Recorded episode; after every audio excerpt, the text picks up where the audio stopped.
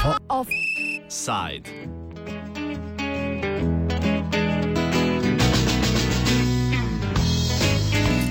Učbeniška učenost. Jaz ne grem v šolo, ne, ne grem v šolo, jaz bom kar počitnice imel. Jaz ne grem v šolo. Učenci in dijaki, ki se strumno podajajo v novo šolsko leto, si lahko danes in jutri na učbeniškem sejmu v BTC-ju kupijo učbenike in delovne zvezke iz druge roke. Zveza študentskih klubov Slovenije pa za dijake podoben sejem organizira v ponedeljek in torek pred Nukom, kjer bo potekala tudi akcija podarjanja učbenikov in šolskih potrebščin za socialno ogrožene otroke. Ob tej priliki se v današnji oddaji posvečamo učbeniški politiki in nekaterim njenim problemom. Jaz ne grem v šolo, ne, ne grem v šolo.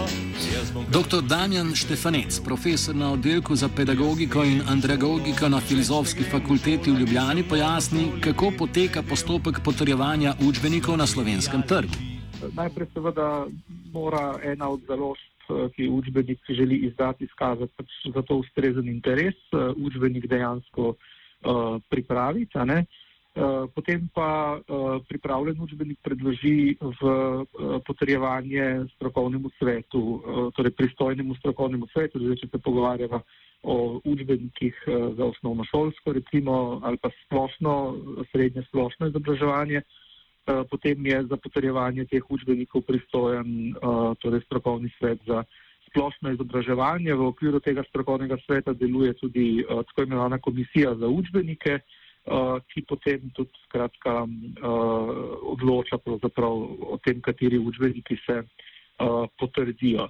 Uh, zdaj, zato, da sploh lahko uh, učbeniki, um, da sploh lahko strokovni svet učbenike potrdi, uh, morajo založniki poskrbeti uh, za uh, dve oziroma tri recenzentske ocene.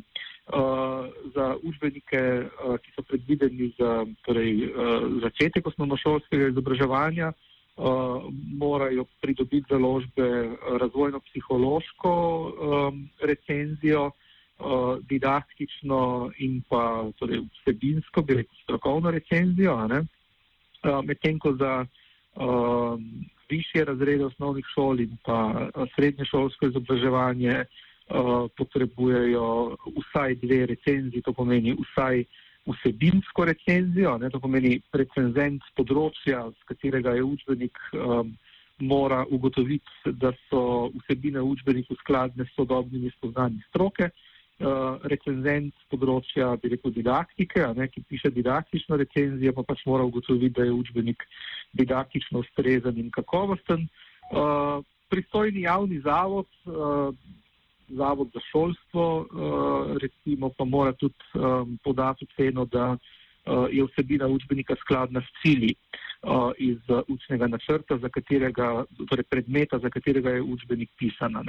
Um, zdaj, če so vse te recenzentske ocene pozitivne, če je učbenik skratka skladen s cilji iz učnega načrta za tih predmet, za katerega je pisan, uh, potem uh, lahko skratka uh, gre v ta postopek um, potrjevanja um, in je potem pač odločitev strokovnega sveta ali, ali potrdi učbenik ali da uh, ne potrdi. Delovnih zvezkov se v nasprotju z učbeniki ne potrjuje. Učbenik pa po zakonodaji ne sme osebovati nalog za izpolnjevanje. Zaradi delovanja učbeniškega sklada bi namreč upisovanje rešitev v učbenike pomenilo, da popisanih učbenikov ne morejo uporabljati otroci v naslednjih letih. Že kar nekaj časa, ali delovni zvezki dejansko niso deležni potrjevanja. Takrat, ko se je ta sprememba, mislim, da leta 2006 je do te spremembe prišlo, um, smo seveda, bi rekel, del strokovnjakov imeli težavo ne, s tem, da se uh, delovne zvezke izuzame iz postopka potrjevanja. Takrat smo opozarjali nekateri, da uh, so delovni zvezki vendarle ne, sestavni del, bi rekel, učbeniškega kompleta. Um, ker je treba vedeti, da um, pri nas ne, uh, zaradi specifične sistemske ureditve, torej zaradi obstoja teh tako imenovanih učbeniških skladov, uh, je v pravilniku um, o potrjevanju učbenikov um, natančno določeno, kako pravzaprav lahko, bi rekel, učbenik zgleda oziroma kaj lahko učbenik vsebuje, česa pa učbenik ne sme vsebovati. Ne. To pomeni, pravilnik določa, da mora biti učbenik zasnovan tako, da van ni potrebno učencu ničesar upisovati ali urisovati. Skratka, um, zato ne, smo mi v našem prostoru uh, dobili te tako imenovane delovne zvezke, ki so pravzaprav sestavni del učbenika, samo da so, kako bi rekel, so v ločeni knjigi. Uh, zato jasno, ne, da so učbeniki potem lahko uporabni za več, bi rekel, generacij učencev. To pomeni, da jih lahko v učbeniškem skladu izposojate več let zaporedoma. Um, zato tudi v našem prostoru praktično ne poznamo uh, teh tako imenovanih um, delovnih učbenikov, ne, ker bi to preprosto pomenilo, da naslednje leto si učenc tega istega delovnega učbenika ne bi mogel sposoditi v um, učbeniškem skladu svoje šole. Nepotrjevanje delovnih zvezkov sproža vprašanje, ali jih smejo učitelji od učencev zahtevati. Težava seveda je nastala, ko so ti delovni zvezki kar naenkrat eh, postali zgolj in samo um, dodatno gradivo, poleg vseh ostalih dodatnih gradiv na, na, pač na trgu učnih gradiv in niso več bili, kako bi rekel, deležni potrjevanja skupaj s svojimi matičnimi učbeniki, tako rečemo. Ne? Zdaj, seveda se pa postavlja vprašanje, če neko gradivo ni potrjeno in če ni razumljeno kot sestavni del učbenika, ali, lahko učitelji to gradivo dejansko tudi zahtevajo kot obvezno gradivo um, od svojih učencev. Ne. Najbrž ne morejo zahtevati kar vem, 17 gradiv pri svojem predmetu, ne. ker pri matematiki imate vem, od priročnikov do raznih zbirk vaj in tako naprej. Učitelj ne more kar prosto se zmišljati da bo pa ne vem, pri njemu, da bo učenec rabu, kaj pa vem, pet takih enot gradiva, ne, obveznega. Lahko predpiše, torej lahko določi učbenik ne, kot obvezno gradivo in dokler so bili deležni potrjevanja, je lahko določil tudi, skratka, ker je bil to sestavni del tega učbenika, tudi pripadajoč delovni zvezek. Zdaj pa ta delovni zvezek nekako ni več tako samoumevno pripadajoč ne, temu učbeniku. Zato je država našla neko tako, bi rekel, rešitev, po kateri lahko učitelji določijo delovne zvezke učencem, vkolikor se starši strinjajo z njihovo uh, nabavno ceno. Kar seveda pa zdaj v praksi pomeni, da morajo starši, torej učitelji predlagajo, katere delovne zvezke naj bi učenci uporabljali, starši se pa pač morajo strinjati uh, za njihovo skupno nabavno ceno za posamezen razred in kolikor jaz vem, praviloma pač zdaj tu ni nekih težav, najbrž tudi zato, ker so uče, učitelji pri tem preudarni.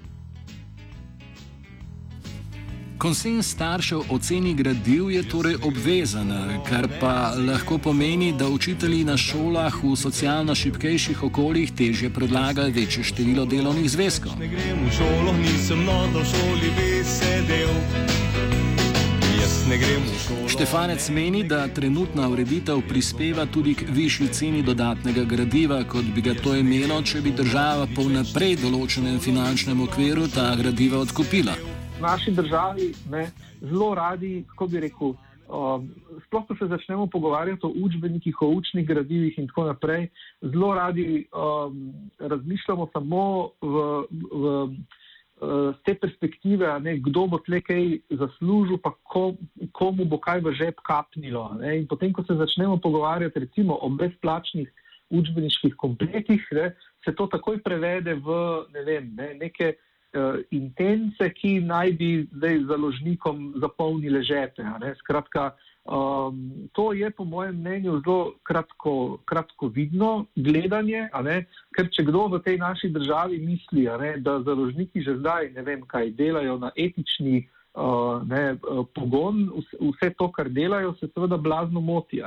Založniki seveda imajo uh, profit že iz tega, kar delajo zdaj, zlasti seveda um, ne, iz naslova vseh teh dodatnih gradiv, delovnih zvezkov in tako naprej, uh, ki so po moje tudi zaradi nedomišljene rešitve um, vezane na učbeniške sklade, ne, uh, ki so, torej, so ta ostala gradiva, ki, ki jih ne morete dati v učbeniški sklad in jih posojati, so seveda toliko dražja, kar pomeni, da posledično starši plačujejo, mislim, da bistveno više cene, kot bi jih realno lahko, kako bi rekel, dosegli, če bi država poskrbela za to, da učbeniške komplete po neki vnaprej definirani cenovni kategoriji uh, odkupi podobno, kot recimo imajo to v, v, v, v Avstriji. No. Jaz ne grem v šolo, ne, ne grem v šolo.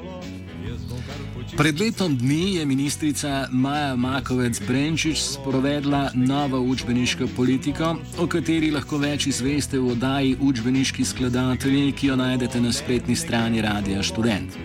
Od takrat država poskrbi za popolno kritje učbenikov za prvošolce. Štefanec meni, da je takšen ukrep bistveno premalo ambiciozen. Stroka pa bom rekel, del stroke, ki smo se s tem intenzivno ukvarjali nekaj let nazaj, ne, smo uh, jasno predlagali, kaj bi pravzaprav uh, bilo treba narediti na tem področju, oziroma v katero smer bi bilo smiselno, da jim reč razmišljati. Ne. In takrat smo, um, smo jasno povedali, da uh, bi morala država razmišljati o tem, da vsakemu učencu, vsaj v osnovnošolskem izobraževanju, to pomeni vsaj v obveznem izobraževanju, da vsakemu učencu zagotovi v bistvu brezplačen učbeniški komplet za torej, tisti razred, v katerega je otrok upisan. To pomeni za devet let, ko rečemo. Um, to bi pomenilo, da pač učenci vsako leto dobijo učbeniški komplet na mizo, uh, pri čemer uh, država poskrbi za odkup teh učbeniških kompletov. Um, potem pa lahko tudi zaradi mene najde sistemsko rešitev, po kateri starši participirajo, ne vem, skladno recimo z višino njihovega, uh, njihovega dohodka ali kakorkoli, tako da uh, recimo tisti, ki so um, socialno in ekonomsko šipkejši, dejansko dobijo te učbenike oziroma učbeniške komplete, brezplačno. Uh, tisti, ki so uh, bolj prednari, pa v nekem deležu, recimo, pri tem participirajo. Uh, in za zgled smo takrat dali avstrijsko rešitev, v Avstriji recimo približno na, na ta način um, zalaganje uh, učencev z učbeniki poteka, oziroma z učbeniškimi kompleti, ker pa seveda odpadejo te dileme, ali imeti, ne vem, ločen učbenik od delovnega zvezka ali ne. In tako, ker pač če učenci dobijo učbeniške komplete v trajno last, potem seveda uh, je tudi možnost delati takšne, takšna učna gradiva, ki so bistveno bolj funkcionalna, bistveno bolj lahko zahtevajo od učencev, da uh, se aktivno angažirajo ne, pri delu s temi gradivi in, in tako naprej. Današnji offset zaključi Štefanec z mislijo, da glavno težavo predstavlja pomankanje politične vizije, ki bi resneje posegla v učbeniško problematiko in zagotovila učbeniška gradiva vsem osnovnošolcem. Jaz ne vidim neke resne, kaj bi rekel, neke resne sistemske vizije na tem področju. In to je tisto, kar mene osebno recimo, um, moti. Ni problem, da rečemo, zdaj bomo dali samo prvošolcem. Ampak jaz bi pač rad videl, zdaj, kakšna je. Uh, kakšna je intenca šolske politike tudi v daljšem obdobju. Ali bomo recimo vem, šli v to, da bomo vem, v prvem letu dali prvo šolcem učbeniške komplete, pa v drugem letu mogoče prvo in drugo šolcem, da bomo recimo v devetih letih imeli brezplačna učna gradiva um, ne, za, za vse osnovno šolce, ali imamo tu kakšne finančne izračune, ali jih nimamo, ali je sploh volja, da se kaj takega naredi. O učbeniški politiki vas je brez učbenikov podučila Zala.